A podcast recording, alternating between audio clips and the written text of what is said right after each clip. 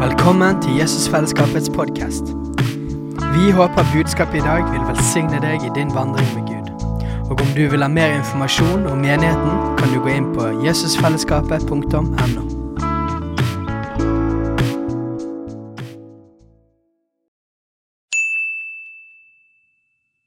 Hei! Visste du at Jesusfellesskapet starter en ny bibelskole til høsten? Den heter Jesusskolen og starter den 3. september. Gå inn på jesusskolen.no for mer informasjon. Hei, folkens. Ser ut som det går ok med dere, da. Jeg eh, Ja. Jeg er egentlig litt nervøs for at jeg skal forkynne i dag. Uff, Jesus. Så Jesus, jeg ber om din nåde og ditt liv og din kraft. Hellige Ånd, må du åpenbare ordet. Må du åpenbare ordet for oss, må du åpne våre hjerter. Jeg ber om din nåde, jeg ber om din godhet, jeg ber om din kjærlighet. Og jeg ber òg om at ordet skal få være med å stikke i hjertet og å sette fri og rense. I Jesu navn. Vil du si noe? Ja? Ja, jeg må kanskje bare være lydig, da. Jeg eh, ble minnet om et bilde, og så eh, klarte ikke jeg å riste det helt av meg. Så jeg tenkte det passet jo kanskje godt inn i det du eh, skal gå inn i. Men i lovsangen så opplevde jeg at eh, det ble lagt en dyne over oss som forsamling. En kjærlighetsdyne. Og så så jeg at det var ganske mange ganske mange trassige eh, treåringer. Jeg vet ikke om du har lagt i en seng med en trassig treåring, eh, men de vil ikke ha dyne på seg. Så de ligger og sparker av, og uansett hvor mye du dekker over et, spedbarn eller en baby med dyne, så våkner han uten dyne. Til slutt så er det mange som har sydd sånne der eh, posedyner, så du bare har ungen inni med armer ut, og så bare er han i en pose. Men det som jeg ble minnet om, er at eh, du har et valg å ta imot eh, denne kjærligheten og bre denne dynen over deg. Eh, og det vil jeg bare oppfordre til, eh, i, kanskje i møte med eh, tema som kan stikke og gjøre vondt. Men ta så, altså, sånn, når jeg legger meg da, med min dyne, så, så tøkker jeg den skikkelig godt rundt meg. Passer på at den er rundt hele veien ned, og kanskje litt sånn inni altså Beina skal være sluttet inn i dyne. Jeg vil ha masse dyne rundt meg. ok? Så, så, det er Guds kjærlighet for deg i dag. Du kan ha, bre den over deg som en dyne og bare tøkke den skikkelig godt rundt deg. sant? Så det bare løser vi ut. Eh, dyner, så vi alle skal kjenne at vi godt, står godt i Guds kjærlighet. Og uansett hva ord som kommer, hva, hva som skal det kan være det ting i våre liv som skal bli, skal bli løftet frem og bli pekt på. Så har vi allikevel denne dynen av kjærlighet rundt oss. Så det bare velsigner jeg dere med akkurat nå. Amen. Amen. Så bra. Um, jeg tror at denne boken her, Bibelen, jeg tror at det er Guds ord. Og jeg tror at det er Guds ord til oss i dag. Jeg tror òg at det ikke er sånn at noen mener at, eh, at, eh, man kan bare tolke akkurat hvordan man vil denne boken her. Jeg tror ikke det er sant. Jeg tror at Bibelen forklarer seg sjøl ganske godt. Eh, jeg tror at evangeliet kommer veldig klart og tydelig gjennom denne boken. her. Og denne, denne boken er liv fortsatt. Guds ord er levende, og det er virksomt. Og det er skarpere enn noe tveget sverd. Og det trenger gjennom til kløver sjel og ånd og ledd og marg og dømmer hjertets tanker og råd. Jeg tror òg at hele Skriften er innblåst av Gud og er nyttig til lærdom. Jeg husker ikke alle resten av tingene som sto i det verset. Men det er innblåst av Gud. Um, og, eh, og, det er ofte min jobb å, å, å løfte fram en del ting i Guds ord som har blitt unngått og forkynt i vår tid. Eh, dere som kjenner meg, vet at eh, det ligger på hjertet mitt å forkynne et helt evangelium. Å forkynne, hele Guds råd og hele Guds natur. Jeg tror at som fundament for det er at Gud er god. Jeg tror Gud er god. Jeg tror at han alltid har vært god, og jeg tror at han skapte oss fordi han er god. Jeg tror at å følge han, det, det er det beste for oss. Jeg tror at han er en far, og at han elsker oss. Og at hele historien, hele verdens historie, er en historie om at han elsket oss så høyt at han sendte sin egen sønn, sånn at hver de som tror på han, ikke skal gå fortapt med evig liv. Og at nerven gjennom Bibelen, det er kjærlighet. Og jeg tror òg at, eh, at det er ingen motsetning til Guds godhet og at han er en god far. At han òg er hellig, og at synd er skadelig. Jeg tror faktisk at det er en del av hans kjærlighet. Jeg tror faktisk at, at han, fordi han elsker oss, så vil han at vi ikke skal ødelegge vårt liv. Eh, jeg tror at hans hellighet og hans kjærlighet i basically er det samme. Det er en person. Og gjennom, gjennom evangeliet så ser vi dette så mange ganger, og jeg har lagt merke til det òg. For jeg, jeg håper det at ikke bare forkynnelsen forkynner en bredde av hvem Gud er og hva evangeliet er, men jeg, jeg håper òg at vi som fellesskap og alle de andre tingene vi gjør, òg forkynner det. Og jeg har lagt merke til det i ting som blir sagt i åpning, profetiske ord som kommer, bibelvers som blir delt, og sanger som blir sunget, og ting vi ber og sier i sangene. Så legger jeg merke til at dette går igjen hele tiden. Det er Guds, Guds hellighet, Guds storhet, og jeg vil bøye meg for deg. Og så er det Guds enorme nåde, hans enorme kjærlighet. Amen? Og det er evangeliet. Og i dag så, så skal jeg snakke om de helliges samfunn. Det var setningen jeg fikk. Og jeg bare sånn, nei, Det sto ikke i Bibelen. Så kom jeg på, nei, Det kommer fra trosbekjennelsen. en av trosbekjennelsene. De hellige samfunn. Eh, fellesskapet av de hellige. Eh, hellig det betyr jo tilsidesatt for Gud, og det er en av de tingene vi kristne blir kalt mest i Bibelen. De hellige. Det, når Paulus skriver, akkurat som disse her eh, hilsene som, som Alf Kåre dro fram, så står det jo etter hvert 'til de hellige i eh, Korint', 'til de hellige i Galatia', 'til de hellige i Roma'. Så, så, det er liksom, det er overskriften. Hellig betyr satt til side for Gud. Renset. Og vi vet jo det at vi blir eh, helliggjort gjennom at vi først blir renset for vår synd. Og så, så er det òg noe Bibelen snakker om som kalles helliggjørelse, som er at det er en kontinuerlig prosess av ikke bare at han tilgir vår synd, men at han renser synden vekk for oss på den måten at vi blir mer og mer lik han. Det kalles helliggjørelse. Og eh, Vi har snakket i høst om menigheten, og i dag er det dette perspektivet. De helliges samfunn. Hva betyr det at vi er en flokk som blir kalt hellige, satt til side? Dere vet at og, og vi forkynner dette fordi at det går imot kulturen, og vi blir så påvirket av Alle blir jo påvirket av den kulturen man er i. Det, det har alltid skjedd.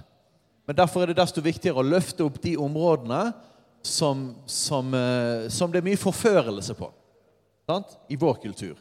Og en av de tingene er at vi er så, vi er så formet av underholdning at, at, at, når vi snakker om å gå i kirken, eller gå i en menighet, eh, så tenker vi ofte at det er å komme på et møte. Og jeg vet at jeg sier dette her igjen og igjen og igjen, og det kommer jeg til å fortsette å gjøre. For vi trenger å forstå det at menigheten i Det nye testamentet er ikke bare liksom et møte du kommer på. Og det er definitivt ikke et bygg. Menigheten er et folk. Det er en familie. Det er et tempel. Det er Jesu kropp. Og det er jo ganske seriøse greier. Og Jesus han går jo så langt til og med at han snakker om liksom, hvem er min far og min mor. Og vi, vi tror veldig på kjernefamilien. og har en god familie, og meg og Katrine underviser masse om det. Men, men, Jesus går jo så langt at han på en måte Han, sier liksom Hvem er virkelig min, min far og min mor og min bror og min søster? Nei, det er de som gjør den, min himmelske fars vilje. Sant? Og, og, og, det er jo ikke bare en klisjé når vi kaller hverandre det er brødre, søstre. Sant? Eh, og det står at De som har mistet familie, de skal få her i tiden skal de få eh, fedre og mødre og brødre og søstre. Så Bibelen snakker ganske kraftig om hva Guds menighet er for noe. Det er et veldig kraftig fellesskap. Det er noe mye mer enn at jeg kommer på et møte en gang iblant. Og, og, dette er viktig å forstå og ha som et fundament når, når jeg skal snakke om dette, at vi er et samfunn av de hellige. Vi er ikke bare liksom et, et offentlig møte av de som tilfeldigvis gadd å komme i dag. Som skal bli primært underholdt, og hvis jeg ikke liker det, så, så går jeg til en annen butikk. Som kanskje selger noe jeg liker bedre. Hallo? Det er en konsumenttankegang. Det er ikke Guds menighet. Guds menighet er at jeg tilhører. Jeg gir meg til Jesus Kristus, og jeg gir meg til hans kropp. Jeg får en ny far. Halleluja. Barnekår. Og det betyr at jeg får nye søsken. Og jeg hører til den familien. Og jeg vet ikke om du har eh, litt sånne erfaringer med familie, men familie er jo ikke alltid sånn at man liker umiddelbart sine søsken. Men så er det noe som er dypere. sant? Blod er tjukkere enn vann, sier man. Det er noe som er dypere. Og når alt kommer til alt, så er det de vi har de dypeste båndene med. Det er familie. sant? Og sånn er det. Og jeg vil utfordre deg. Om du, om du, har gitt deg til denne menigheten, så gi deg til denne menigheten. Ok? Gi deg inn i fellesskapet. Hvis ikke du har gitt deg til noen menighet, gjør det. La Gud lede deg til et fellesskap der du kan gi deg til. Men ikke bare være en møtebesøkende. Ikke bare være en som stikker innom. Eh, gi deg inn. Amen? Så evangeliet Jeg underviste for, for en del uker siden om, om barnekåret og Guds kjærlighet. Og, og, hvis det er noen som kjenner det at jeg skal, For jeg skal snakke mer om synd i dag, nemlig. Hvis det er noen som kjenner det at det, det røsker liksom i, i, i parløsheten og forkastelsen, så anbefaler jeg deg å ta et ark der som ligger der bak, og masse bibelvers om Guds kjærlighet. ok? Eh, men selv om du kan kjenne det er utfordrende, så må vi ikke lure oss sjøl til å tro det at vi ikke må forkynne om synd. For Hvis du leser Det nye testamentet, så kan du se at det er en ganske stor del av det som blir snakket om. Sant? Og jeg syns at det òg er gode nyheter. jeg. For det er takk Gud. Vi har ikke et budskap som sier det at eh, dette er synd, og nå må du ta deg sammen. Nei, Vi har et budskap som sier at dette er synd, så kom til Jesus og bekjenn din synd og få din synd vasket vekk, så du kan bli rein. Det er evangeliet. Men skal vi bli rein, så må vi snakke om synd. sant? La meg bare ta et par sånne her i introen her. Bare tre, tre eksempler på hvordan evangeliet fungerer og for å minne dere og bake dette inn hele tiden. Eh, den bortkomne sønnen, sant? Den bortkomne sønnen, han sløste vekk alt sammen. Og så dro han til langt, land langt der borte, og så levde han et liv i synd. Og så endte han opp i en grisebinge, som er jo illustrasjonen i, i, i en jødisk kultur på det aller, aller laveste og verste du kunne. Sant? Grisen var et vanhellig dyr. Og han endte opp med å spise maten til grisene. Det var liksom, du kunne ikke komme lavere enn det. Og så står det at han kom til seg sjøl. Å komme til seg sjøl er Den hellige ånd som åpenbarer om synd og viser deg din tilstand. Om at du, du går skikkelig dårlig med deg. Og så bestemte han seg i sitt hjerte, etter han hadde fått den erkjennelsen, så bestemte han seg for å vende om og vende seg til sin far igjen. Og så begynte han på vandringen tilbake igjen til far. Og så vet vi at far han er helt fantastisk. Han tar alltid imot oss. Og han tar imot alle som ønsker å komme til han. Ja, faktisk mer enn det. Han, han søker, han leiter, han drar, han kaller. Sant? Og så får han oppleve gjenopprettelse, så får han oppleve nåde, så får han oppleve å komme tilbake igjen i det som skulle være hans identitet hele tiden. At han var en sønn, at han hørte til hjemme. Amen? En fantastisk historie om nåde.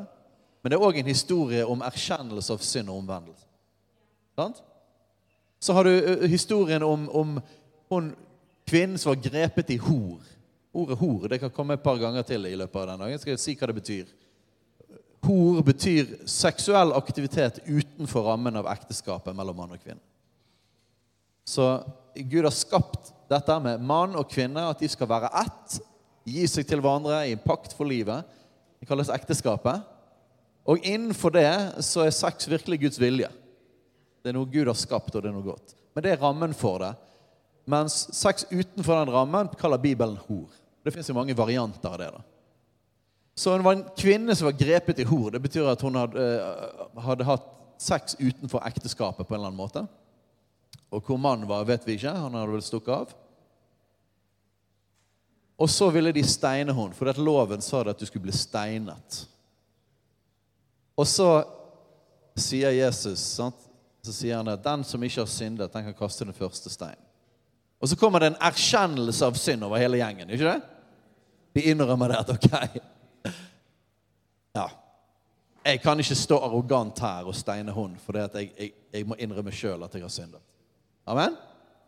Og så kommer Jesus bort til henne, og så sier hun har ingen fordømt deg, heller ikke fordømmer deg. Gå bort og synd ikke mer. Så hva er det for noe? Det er Guds nåde, det er Guds kjærlighet, det er innrømming av synd, erkjennelse av synd, som betyr ydmykhet. sant? Og så er det òg et kall til omvendelse. Sant? Dette, dette, er gjennomført i evangeliene hele tiden. En annen historie er jo Sakkeus. Sakkeus som var en toller, utstøtt av samfunnet. Sant? Samarbeidet med romerne. En forferdelig fyr. Stjal. Levde helt sikkert en utsvevende livsstil òg. For vi ser at det var en annen eh, toller som ble disippel av Jesus, som het Matteus. Og han, han, hadde fest med masse toller og syndere, står det. Så de levde nok et utsvevende liv. Og så klatrer han opp i treet, for han har hørt at Jesus skal komme. Og så kommer Jesus forbi, og så ser Jesus på ham. Hva er det for noe? Er ikke det han som kommet for å søke og frelse det som var fortapt? sant? Det er han som kommer og søker mennesker fordi at han elsker oss. Sant? Og sier han i dag skal jeg være hjem, med hjem til deg, så kommer han hjem til Sakkeus. En mann som lever i synd. Og så viser han på den måten Guds nåde og Guds kjærlighet. Skjønner? Og når Sakkeus får oppleve Jesus på den måten, får oppleve Guds godhet, så skjer det som det står om i Romerbrevet, at Guds godhet driver til omvendelse. Så Sakkeus plutselig, på et eller annet tidspunkt der, så har Gud, Gud har gjort noe i hjertet hans, så sier han at vet du hva, jeg skal gi tilbake igjen. Av alle tingene jeg har stjålet, jeg skal gi dobbelt tilbake. Og så sier Jesus at i dag er frelse kommet til dette hus. Så, så evangeliet er, det er Guds enorme nåde, det er Guds enorme kjærlighet. Det er Han som oppsøker oss og søker oss. Søker det som var fortapt. Og så er det at når vi får oppleve Hans nåde og kjærlighet og tilgivelse, så kaller Han oss til å vende om og følge Han. Sant? Er ikke det evangeliet? Så hvis du ennå ikke har overgitt ditt liv til Jesus, så vil jeg oppfordre deg til å gjøre det. Gi han all din synd. Innrøm det. Innrøm din synd. Kom til han og få nåde. Kom til korset og få nåde. Bli vasket rein for all din skyld og din synd. Og så kommer han òg til å kalle deg da til å overgi ditt liv til han. Vil du at jeg skal være din herre? Kom og følg meg. Og da kaller han inn i et, i et nytt liv. Dåpen, for eksempel, som er en av de første stegene inn i når vi skal følge Jesus. Det er tro, det er omvendelse. Og så er det dåp. Og dåp handler om at jeg går i, ned i vannet, og så får jeg dø fra mitt gamle liv i synd. Bli begravet ned under vannet. Og Det gamle livet i synd blir begravet, og så får jeg stå opp igjen til et nytt liv. Halleluja! Alt det gamle er forbi, så alt er blitt nytt. En ny identitet. Vår nye identitet er at vi er Guds barn. Vi er rettferdige i Han. Og vi er nye skapninger. Nye mennesker. Vi har fått en ny natur, en ny ånd. Og så får vi Guds ånd, så får vi Den hellige ånd. Og Det er steg nummer fire. Det er dåpen i Den hellige ånd. Vi blir fylt av Den hellige ånd, som betyr at det er kraft til å leve det kristne livet. Ikke et liv i egen kraft. Så vi har både fått tilgivelse for synd, vi har fått begravet vårt gamle liv, vi får kraft til et nytt liv. Og så har vi vendt om og så sagt at 'Jesus, du er min Herre'. Dette er grunnvollen i forhold til det å bli en kristen. sant? Halleluja. Og så ble vi lagt til fellesskapet. Det står det om i Apostelens gjerninger 2 at de som lot seg døpe, de ble lagt til. Så de blir en del av en ny familie. Og i den nye familien så lærer vi mer Gud å kjenne. Vi kommer dypere inn i vår identitet. Vi, vi, vi lærer å kjenne mer av, av Jesus fordi at menigheten i hans kropp. Sant? Så vi får oppleve forskjellige andre kroppsdeler, og vi får se mer av Gud. Så vokser vi mer og mer til å bli mer lik ham. Amen? ikke det herlig? Og så, så dette, dette, fellesskapet så lærer vi å følge han. Vi, Jesus sa det jo sånn i Matteus 28 at gå ut i all verden og gjør alle folkeslag til disipler idet dere døper dem i Faderens, Sønn og Helligens navn, og lærer dem å holde alt de har befalt dere. Så det betyr at fellesskapet er et sted der vi ikke bare blir døpt, men vi lærer å holde det Jesus har befalt. Vi lærer å kjenne Han. de helliges samfunn. Fellesskapet av de hellige. Ok. Er dere med? Har vi evangeliet gått på plass? Ok. Bibelen bruker to, to, begreper som vi bruker en del, som vi trenger å vite forskjellen på. Og Det er begrepet å falle i synd og å leve i synd. Og Det er utrolig viktig å få vite forskjellen på hva de to tingene er. skikkelig, skikkelig viktig. Hva betyr det? Det betyr at etter jeg har gitt mitt liv til Jesus, etter jeg har fått vasket vekk min synd, og jeg har fått en ny natur Og jeg, jeg har lyst til å følge deg, Jesus, og jeg lærer han mer og mer å kjenne, og jeg lever som et Guds barn, så er det sånn at ja, jeg har fått et nytt liv. Jeg har fått en drivkraft inni mitt at jeg har lyst til å følge Jesus. Sant? Det er et av tegnene på at du er frelst.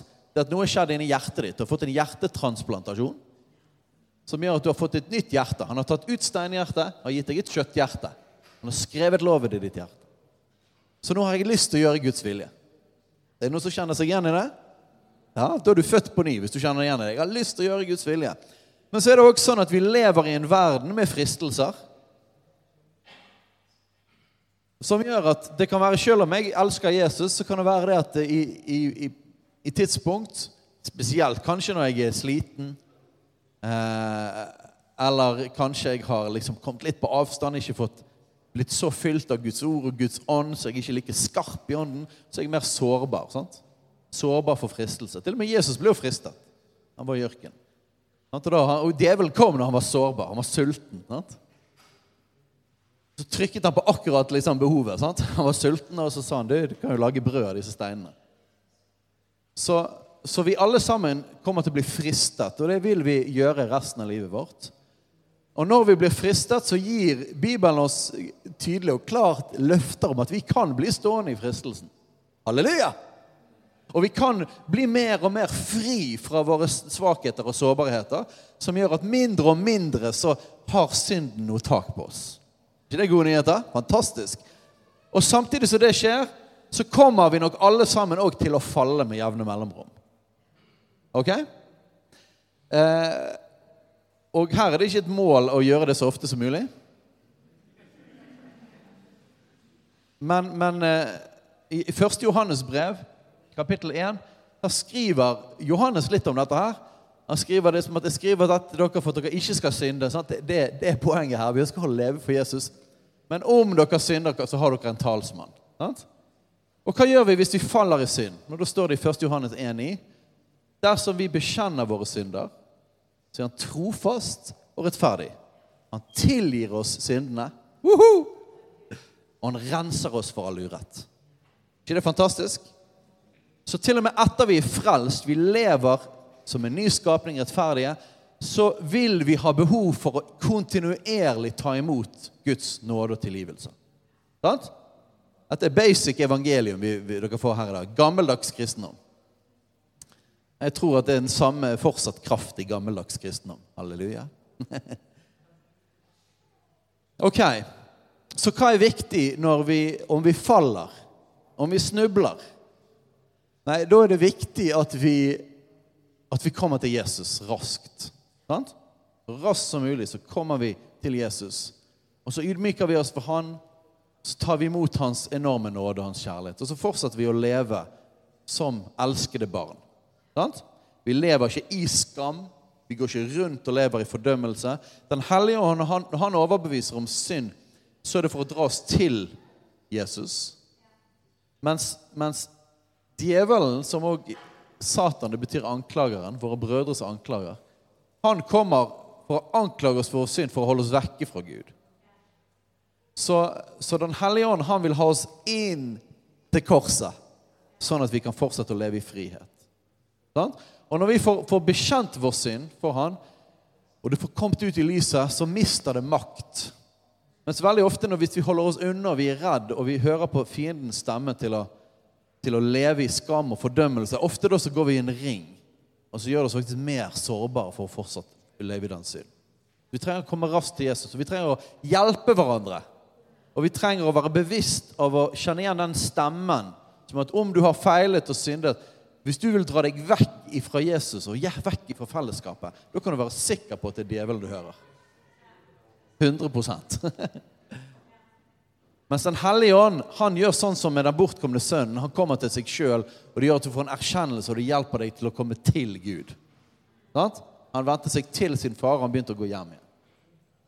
Ok, Så det å det å falle i synd, og det er en kontinuerlig del av vår livsstil, er at vi trenger nåde. Kontinuerlig. Og eh, Så la oss leve i ydmykhet. La oss leve i åpenhet. La oss ha kanalen åpen til vår far. La oss, la oss leve ut ifra evangeliet og korset det han har gjort for oss.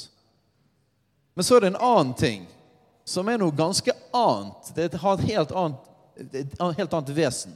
Og det er egentlig hovedtingen vi skal snakke om i dag, nemlig å leve i synd. Så vi kan gå i Rom, Romerbrevet, kapittel 6.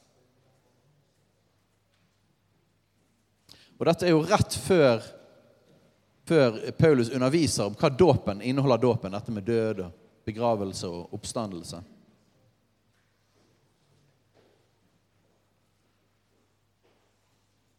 Og Her har jo Paulus i kapittelet før snakket om Guds nåde. Og så, så spør han dette spørsmålet etter å ha snakket en del om nåden.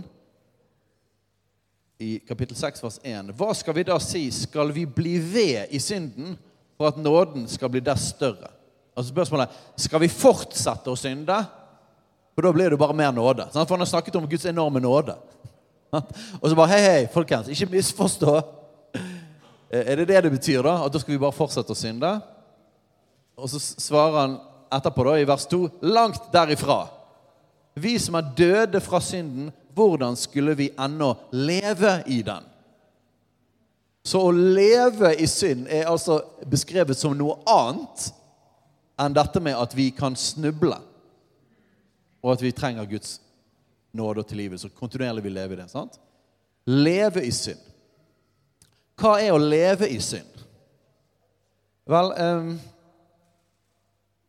jeg mener det at det sentrale i forhold til å leve i synd, er at jeg ikke lenger ønsker å følge Jesus. Når alt kommer til alt, så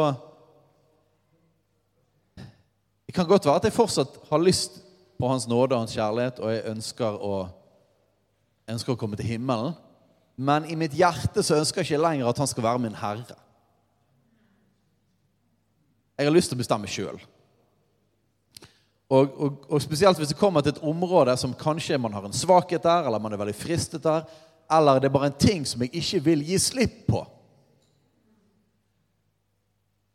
Og i sum så vil jeg si her i da til meg sjøl og til Jesus at vet du hva? Jeg gir ikke slipp på dette. Jeg vil bestemme sjøl. Og det som skjer da, er at du ber ikke Gud om nåde. Du, har ingen, du erkjenner ikke, kommer og innrømmer og ydmyker deg for Gud og sier at 'Gud, ah, jeg falt igjen. Tilgi meg. Hjelp meg, Jesus.' Nei, man går over til et, et sted av forherdelse av sitt hjerte. Der man sier det, 'Vet du hva? Jeg vil gjøre dette, og jeg kommer til å fortsette å gjøre dette.' Og Noen ganger kan jo dette være en slags glidende greie. sant? At fra at det er en svakhet, til at mer og mer og mer så får det grep på deg, og så man, kan man komme til et punkt der man på en måte bare gir slipp. Og dette er basically det som kalles å falle fra. Det at mer og mer og mer, skritt for skritt, så kommer jeg ikke til Jesus og ydmyker meg for han. Og hjertet mitt blir mer og mer forherdet. Og det er områder som jeg sier at nei, jeg vil ikke underordne meg deg, Jesus, på dette.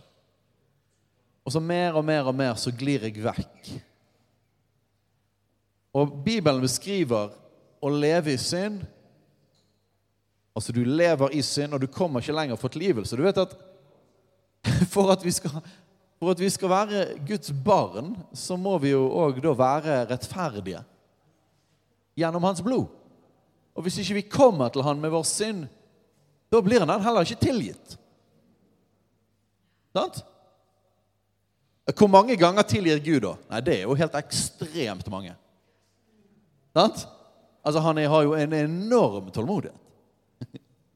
Og han sier jo til og med når, når han, han, utfordrer jo til og med oss til at vi skal tilgi andre, sånn som han tilgir. Og da spør jo Peter hvor mange ganger skal jeg tilgi. da? 70 ganger 7?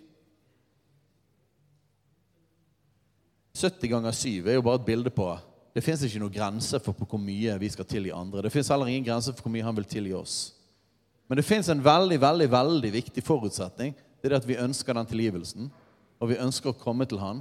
Vi erkjenner den synden, og vi vil fortsatt at han skal være vår herre. Sant? Og akkurat denne biten her blir så forvirret i vår kultur. For vi syns dette er så vanskelig at det fins et skille der. At vi bare sånn, nei, så bare smører vi det utover. Og etter hvert fins det ikke noe skille lenger på å være frelst og ikke frelst. Det er fryktelig, fryktelig trist. Hvis man går rundt og tenker jeg har min sak i orden med Gud, men jeg har ikke det. Så vi trenger å vite hva å leve i synd er. Så Nå skal vi lese noen veldig, veldig hyggelige vers. Er dere klar for det? Vi kan begynne i, i Galaterne 5. Og lurer på, Hva er synd for noe, da? Ja, Bibelen beskriver en del av det. Og Dette er jo ingen utfyllende liste, men det er jo en god, god, en god feeling, da. I Galaterne 5, vers 19, så står det om kjødets gjerninger. Er bare en annen måte å si dette er synd. Kjødets gjerninger er åpenbare. Det er slikt som utukt, urenhet, skamløshet, avgudsdyrkelse, trolldom, fiendskap, trette, avvindssyke Det var et gammelt ord.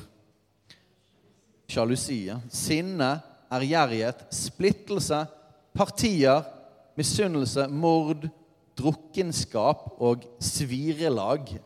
Jeg tror det er fasting som står i nyere oversettelse. Og Vi skal ikke gå inn i alle disse ordene og forklare utfyllende hva det handler om. Men du kan si at det, det, det handler mye om uh, bitterhet mot andre. Jeg snakker Bibelen mye om. Det å være utilgivelig, være fiendtlig, være liksom verdig sitt hjerte. Det er én type ting. Og så er det mer sånn klassisk hedonisme som rus og sex. Sant? God gammeldags synd. Eh, og så står det her videre, da. Om dette sier jeg dere på forhånd slik som jeg før har sagt det, sagt dere. De som gjør slikt, skal ikke arve Guds rike. Ok? Og hva betyr det, da? Betyr det at den som en gang falt i å gjøre noe sånt, ikke er frelst? Nei, for det etablerer Bibelen veldig tydelig at, vi, at vi, når vi bekjenner vår synd, så får vi tilgivelse. Så hva er det dette beskriver, da? Det er noen som lever i dette, men ikke kommer til Jesus for nåde. Det er altså å leve i synd. Og Bibelen sier veldig tydelig at de som lever i dette, de som gjør dette og lever i det, har gitt seg over til dette, skal ikke arve Guds rike. Til og med om de går på møter og kaller seg kristne. En annen liste det er i 1. Korinterne 6.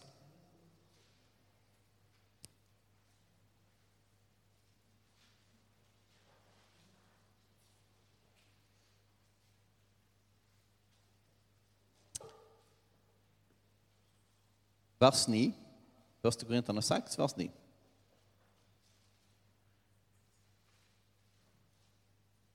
Eller vet dere ikke at de som gjør urett, ikke skal arve Guds rike? Far ikke vil. Verken horkarer eller avgudsdyrkere eller ekteskapsbrytere eller de som lar seg bruke til unaturlig utukt, eller menn som øver utukt med menn, Hvis dere lurer på hva det er, det er altså menn som har sex med menn. Eller tyver. Eller pengegriske. Eller drankere. Eller baktalere. Interessant at baktaler kom inn i der òg. De andre tingene er litt mer fysiske. de tingene her, sant? Bruk av rus og sex utenfor ekteskapet. Sex med samme kjønn. de tingene. Det er veldig sånn fysiske, eksplisitte ting. Men, men det, alltid i disse listene så er det også det ting som går mer på hjertet og hvordan vi behandler andre. Baktalere eller røvere skal arve Guds rike. Altså ingen av disse skal arve Guds rike. Slik var det en gang med noen av dere. Så her snakker han om fortid. Før dere møtte Jesus, så levde dere i disse tingene. Sant? Men han snakker om før. Fordi at hvis man lever i dette nå, så kommer man ikke til å arve Guds rike. Slik var det en gang med noen av dere. Men dere har latt dere vaske rene. Woohoo! Er dere blant de òg? Ja. Og jeg trenger det stadig vekk. Jeg vil leve i det. Jeg har blitt vasket rein.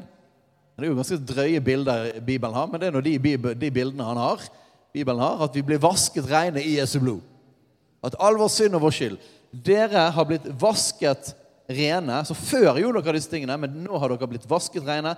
Dere er blitt helliget. Dere er blitt rettferdiggjort i den Herre Jesu navn og i vår Guds ånd. Amen? Men det betyr at det er et enten-eller der. Enten lever man i dette, eller så har man latt seg vaske. Så du må la deg vaske, da. Og skal du la deg vaske, så må du innrømme at det er synd. Og du må innrømme at det er galt. Halleluja. Evangeliet vet du hva, det er faktisk så frigjørende.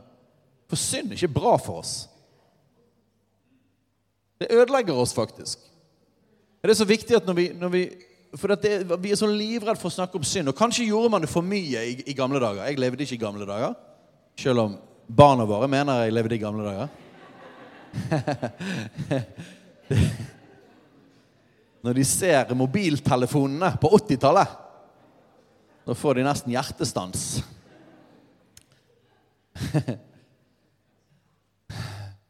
Men, men det, har, det, har, helt sikkert vært tider av en, en så tydelig forkynnelse av synd og omvendelse, og ikke forkynnelse av identitet som elsket, identitet som barn.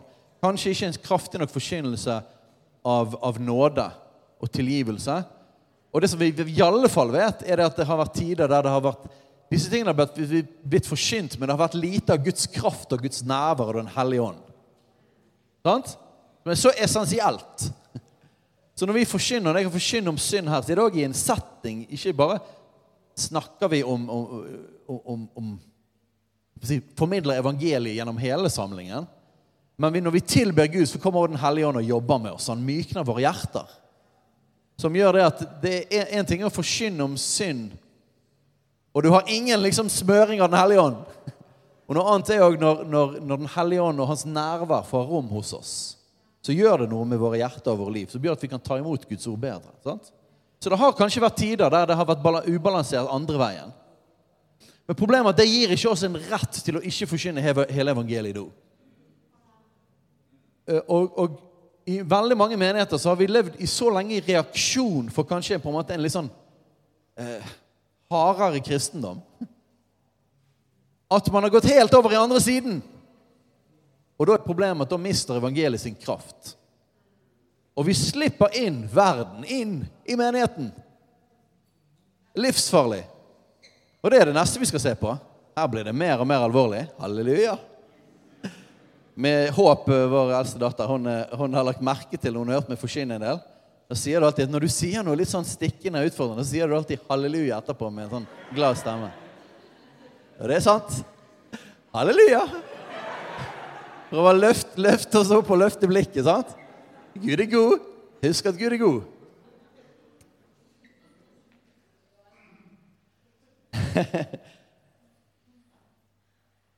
Fordi at det at vi er de helliges samfunn, betyr at han har gitt oss brødre og søstre, han har gitt oss fedre og mødre, til å hjelpe oss i denne vandringen med å leve hellig. Og ikke å, å leve kontinuerlig under Guds nåde. La han fortsatt jobbe med våre hjerter. Og ikke dra, dras vekk ifra Jesus. Ikke at hjertet vårt blir forherdet og sløvnet, så vi etter hvert faller fra. Ikke, så vi ikke kommer inn og begynner å leve i synd. Så han gitt oss hverandre. Forkynnelsen og fellesskapet, men òg det så vi skal bli bedre på, folkens. At vi faktisk har et ansvar i kjærlighet. Husk det. I kjærlighet, i relasjon, men vi har faktisk et ansvar for å hjelpe hverandre på den veien videre. Det betyr at, at Bibelen gir oss rett, ikke på hvilken som helst måte, det skal være på en god måte, men Bibelen gir oss rett, ja faktisk mer enn det, utfordrer oss til å formane hverandre. Til å hjelpe hverandre. Til og med til å konfrontere hverandre. Woohoo!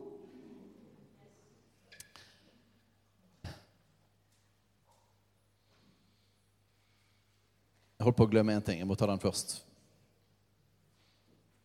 Hvis du lever i synd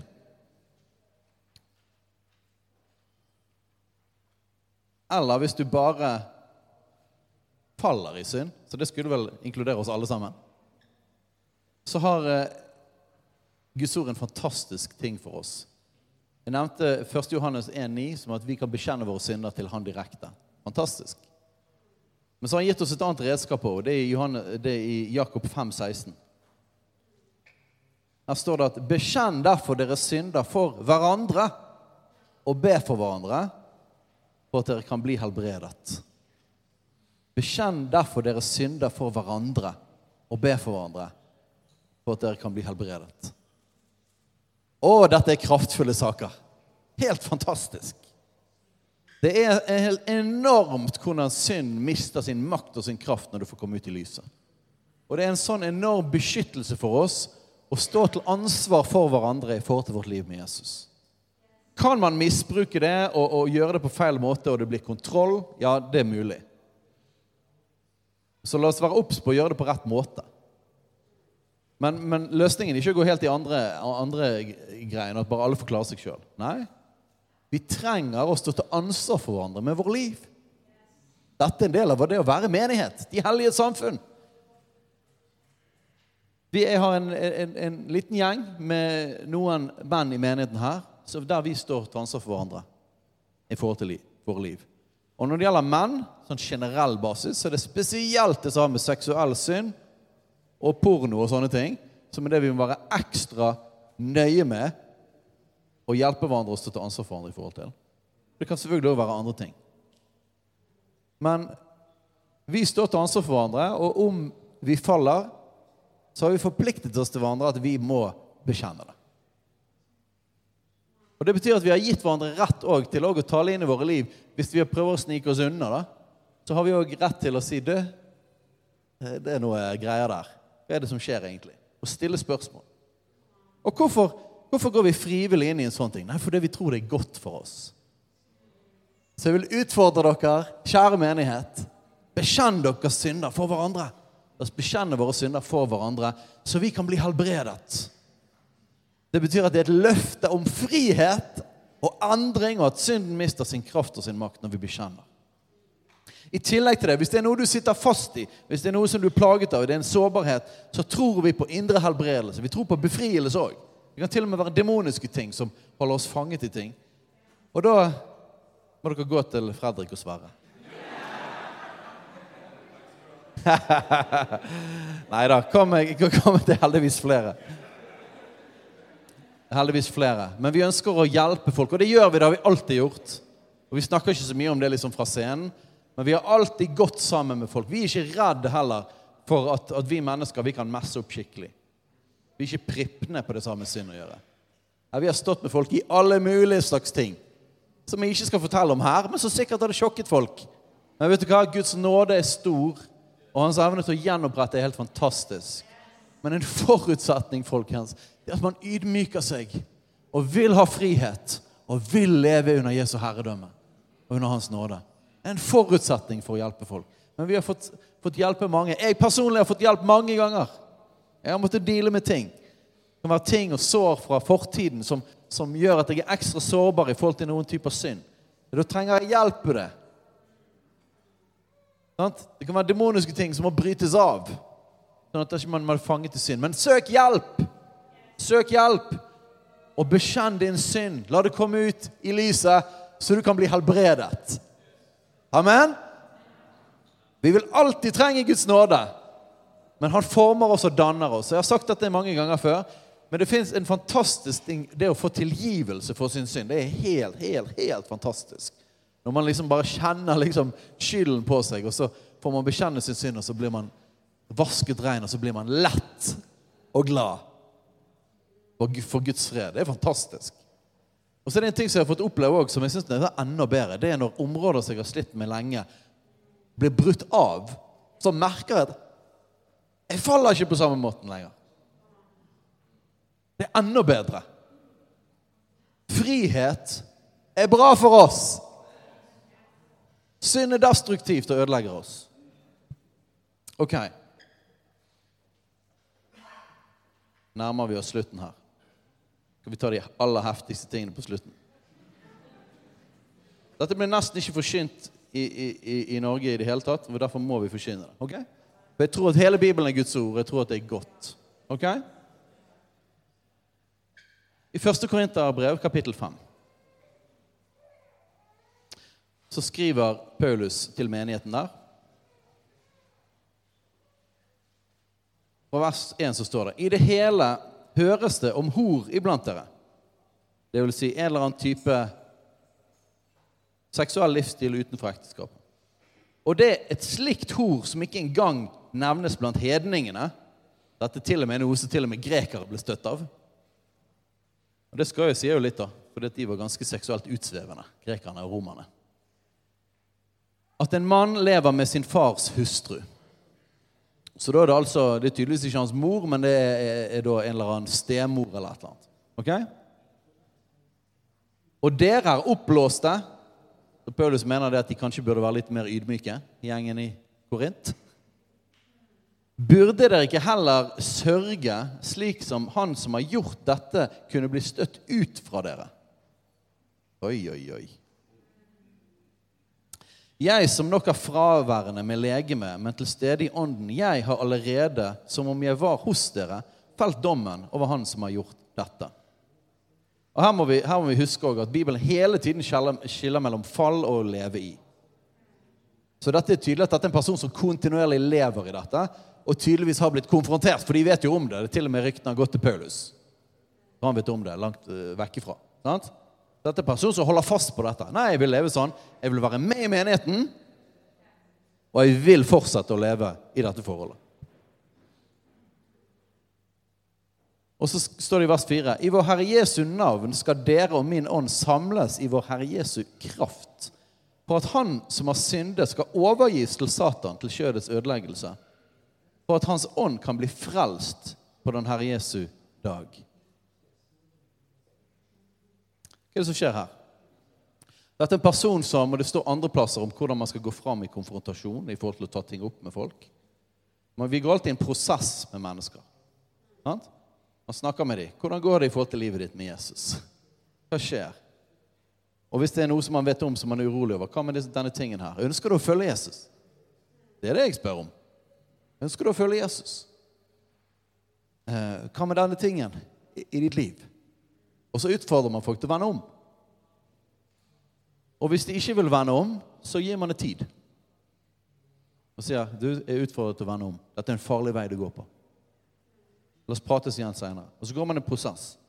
Men på et eller annet tidspunkt, hvis personen velger å holde fast på det og fortsatt ønsker å være en del av menigheten, så kommer man til et sånt punkt at denne personen Husk det. Hvis du lever i synd, og du fortsatt holder på det, så er du ikke lenger frelst. For Du kommer til et punkt der du ikke du er ikke frelst lenger. Men du er i forsamlingen. Og du later som du er kristen. Men du er ikke frelst lenger. Hva er Guds ønske for alle sammen? Gud vil ikke at noen skal gå fortapt, men komme til sannhetserkjennelse. Sånn? Gud vil at alle mennesker skal bli frelst.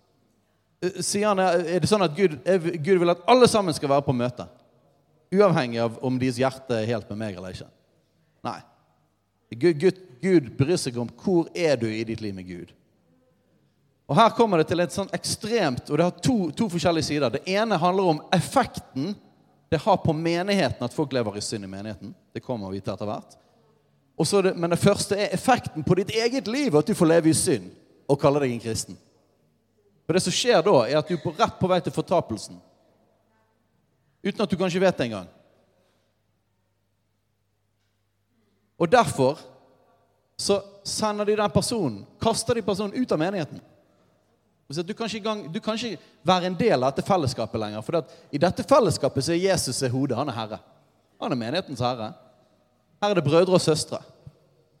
Hvis du ikke ønsker å følge Jesus, så kan du ikke være en del av fellesskapet. Vi er ikke en, vi er ikke en, vi er ikke en sånn underholdningsgreie der vi bare på død liv skal bare få så mange som mulig inn døren. Nei, vi er de hellige samfunn. Vi er Guds tempel. Nummer én er Jesus. Det er hans nærvær. Og så står det at de skal overgi han til Satan, til kjødets ødeleggelse. Og si at ok, nå må du ta konsekvensen av at du forherder ditt hjerte. Du ønsker ikke å følge Jesus. Du ønsker ikke å vende om. Vi overgir deg til djevelen. Og vi vet at djevelen han stjeler, myrder og ødelegger. Til kjødets ødeleggelse betyr det at når de sier at nå kan ikke du være en del av menigheten, så kommer djevelen faktisk til å angripe personen. Dette er ganske heftige skrifter. da. Hvorfor da? For at Hans ånd kan bli frelst på Jesu, den Herre Jesu dag. Hvorfor det? Fordi at personen skal få kjenne konsekvensene og ikke få leve med én fot i hver leir. Ikke leve under en forførelse og en løgn av at alt er i orden, selv om det faktisk ikke er i orden. Men faktisk kjenne konsekvensen av det. ok? Hvis du ikke ønsker Jesus, dette det betyr å ikke være under Jesu beskyttelse av herredømme lenger og at det skal føre til at personen kommer til seg sjøl som den bortkomne sønn. Det er målet. At personen bare Jesus, alvoret går opp på deg. Og hvorfor det? Dette er Guds kjærlighet som i siste bare sier at nå har det gått så langt at det er livsfarlig. Dette er siste steg for å redde livet ditt. Du trenger å bli overlatt til ditt eget valg om å ikke følge Jesus. Og så kan vi lese om i andre korinterbrev at dette hadde funket. Takk, Jesus. Og Paulus sier helt spesifikt nå skal dere ta han inn og vise han kjærlighet. Det betyr at det var fars strenge oppdragelse fordi han elsket han faktisk funket og nådde inn til hjertet til denne personen. Som gjorde at han vendte om og kom tilbake. Dette er Guds kjærlighet. La oss ikke være redd for Guds kjærlighet når den òg oppleves brutal for i alle fall for nordmenn i 2023. Men det handler om å redde livet vårt. Det handler om livet vårt. Det handler om liv og død. Det handler om evigheten. Det handler om himmel og helvete. Komfort her og nå kan ikke være vårt første mål som en kristen. Vi må leve for evigheten, med evigheten i synet. Synd er alvorlig, folkens. Og så står det videre, og dette var sikkert utfordrende til og med for korintermenigheten. Det passer dårlig at dere roser dere. Vet dere ikke at en liten surdeig syrer hele deigen? Hva betyr det? Det får konsekvenser for hele flokken når noen lever i synd og ikke ønsker å vende om. Det, det siver, hva, er det, hva er det som skjer? Du åpner en dør for djevelen. Det er det man gjør. Man åpner en dør for demonisk innflytelse. Inn i menigheten. Og det, og det sprer seg. En surdeig sprer seg. Det er jo noen surdeigsbakere i menigheten. Sant? Det sprer seg. Og Guds rike er òg som en surdeig. Vi skal være en surdeig i verden. sant? Og at det bare Guds godhet og Guds rike sprer seg, evangeliet sprer seg i samfunnet vårt. Amen? Lys og salt. Men dette her snakker om en surdeig av synd. Der det å ikke ville overgi sitt liv til Jesus, ikke ha Jesus som herre og leve i synd, vil spre seg i menigheten og ødelegge menigheten innenfra, folkens. Så det er for den personen sin frelse, og nummer to så er det for beskyttelse av menigheten.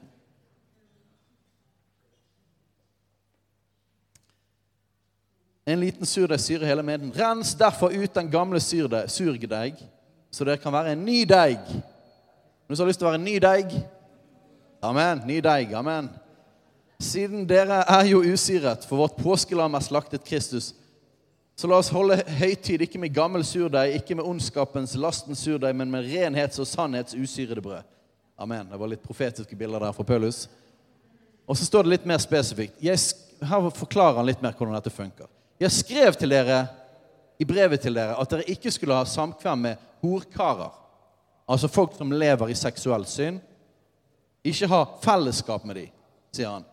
Og så presiserer han jeg mente ikke mennesker i denne verden som driver hor, eller som har pengegriske, røvere eller avgudsdyrkere. Da måtte dere jo gå ut av verden. Ok? Selvfølgelig folk som ikke følger Jesus. Selvfølgelig lever de i synd. De trenger jo å møte Jesus. Og hva gjelder da? Nei, evangeliet må ut. Evangeliet skal forkynnes og smittes og demonstreres til alle mennesker. Og en del av det å bli frelst er jo det at de òg kommer til den erkjennelsen som gjør at de kan ta imot tilgivelse. Men vi skal ikke gå ut av verden. Nei, vi skal være og smitte verden. Men det han snakker om her, er mennesker som er kristne, eller kaller seg kristne, men lever i synd. Men jeg skrev til dere at dere ikke skal ha samkvem, altså fellesskap, med noen som kaller seg en bror, men er en horkar, en pengegrisk, avgudsdyrker eller baktaler, dranker eller røver. Et slikt menneske skal dere ikke engang spise med. Hva har vel jeg med å dømme dem som er utenfor? Er det ikke dem som er innenfor, dere dømmer? Men dem som er utenfor, skal Gud dømme. Støt da den onde ut fra dere. Woo! Dette handler om at vi som menighet er Kristi kropp. Vi er hans kropp. Vi er et tempel for Gud. Et tempel for Gud. Vi er et sted for hans nærvær, hans herlighet. Vi er et sted som forvalter Guds ord og forvalter forkynnelsen av evangeliet. Det handler om at vi er familie. Ja, Vi har ikke smakt så mye på det i vårt land, men i andre land så får de virkelig smake på det. Familie til den grad at vi er villige til å dø for Jesus. At vi står sammen i tjukt og i tynt. Dette er nytestamentlig kristendom. Og i mange andre verdensdeler så smaker de på dette her. Akkurat nå. Det er ikke bare en klubb, folkens. Ikke bare en vestlig underholdningsbidrag. Vi fòrer med litt sånn kristeligøst, religiøst innhold for de som ønsker. Nei. Menigheten det er sannheten, støtte og grunnvoll. Det er de hellige samfunn. Det er tempel for Gud. Det er seriøse saker. Og faktisk, det er ikke min menighet. Det er ikke din menighet. Det er Jesus sin menighet.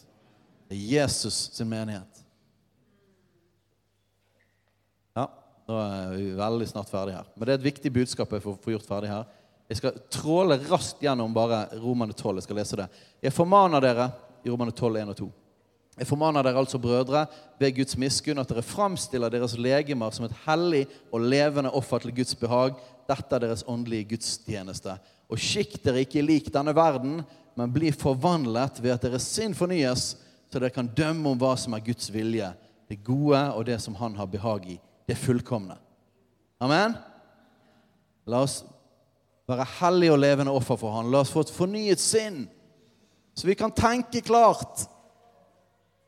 Det fine med å leve i et, en kultur som er, ikke er så kristen lenger, det er det at evangeliet blir tydeligere, det blir skarpere, det blir klarere. Sant? Istedenfor at det blir lullet inn i litt sånn her religiøs greie. Så vi har en kjempemulighet, folkens. Det er en tid for å stå opp, være tydelig på Jesu herredømme, hans evangelium, på hans nåde, hans kjærlighet, og på alvorligheten av synd. Ok, Vi skal avslutte i Johannes' åpenbaring. Klarer dere det?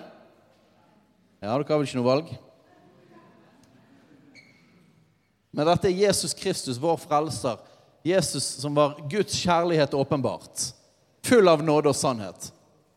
Han sier her, han taler direkte til syv menigheter i Johannes' åpenbaring.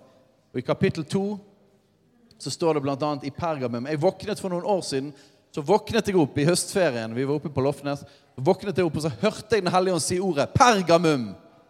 Det var veldig rart. Jeg hadde en vag anelse om at det var noe greier med det. Det var en av de menighetene. Og så leste jeg det, og det handlet om akkurat det vi skal snakke om i dag. Det jeg snakker om i dag. Det handlet om surdeig som var på vei inn, inn i menigheten. Og Så står det her i Johannes' åpenbaring, kapittel 2, vers 14. Men jeg har noen få ting imot deg. Du har noen der, noen i menigheten altså, som holder fast ved Biliams lære. Han som lærte Balak å legge anstøt for Israels barn og ete avgudsoffer og drive hor. Det står om her i, i, i, i tror det er fjerde Mosebok så står det om hvordan han her eh, Balak lærte israelittene å drive hor. På samme vis har det også noen på samme vis holder fast ved nikolaittenes lære.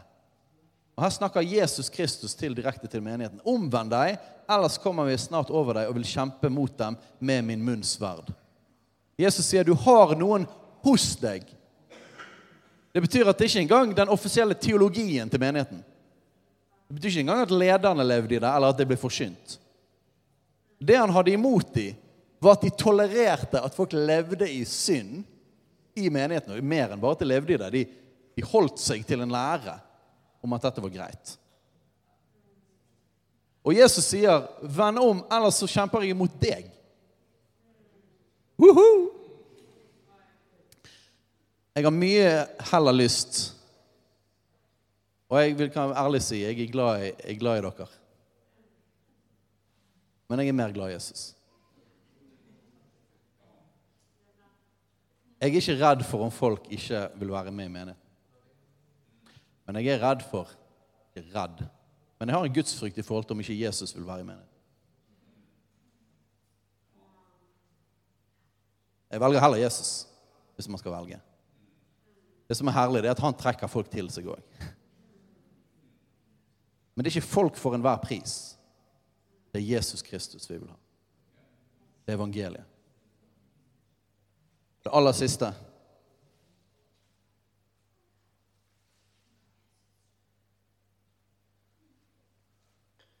Kapittel, Johannes barn, kapittel 3, vers 19. Alle dem jeg elsker.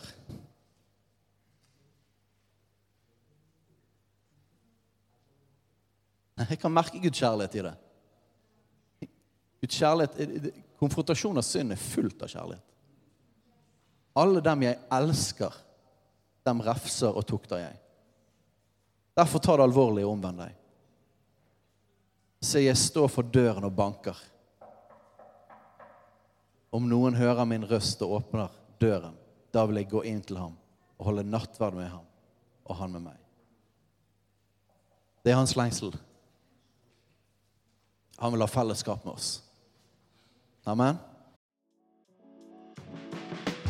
Hei, alle sammen. Det er Katrine og Steinar Lofnes her. Vi er hovedledere for Jesusfellesskapet. Så kjekt du har lyttet til denne podkasten. Har du forresten hørt noen av de andre podkastene våre? Ukens tale, Disippelskolen, Hyrdepodden, Kulturkrigen og Mammas hjerte. Du finner disse podkastene på Spotify, Apple Podkaster og på nettsiden vår jesusfellesskapet.no.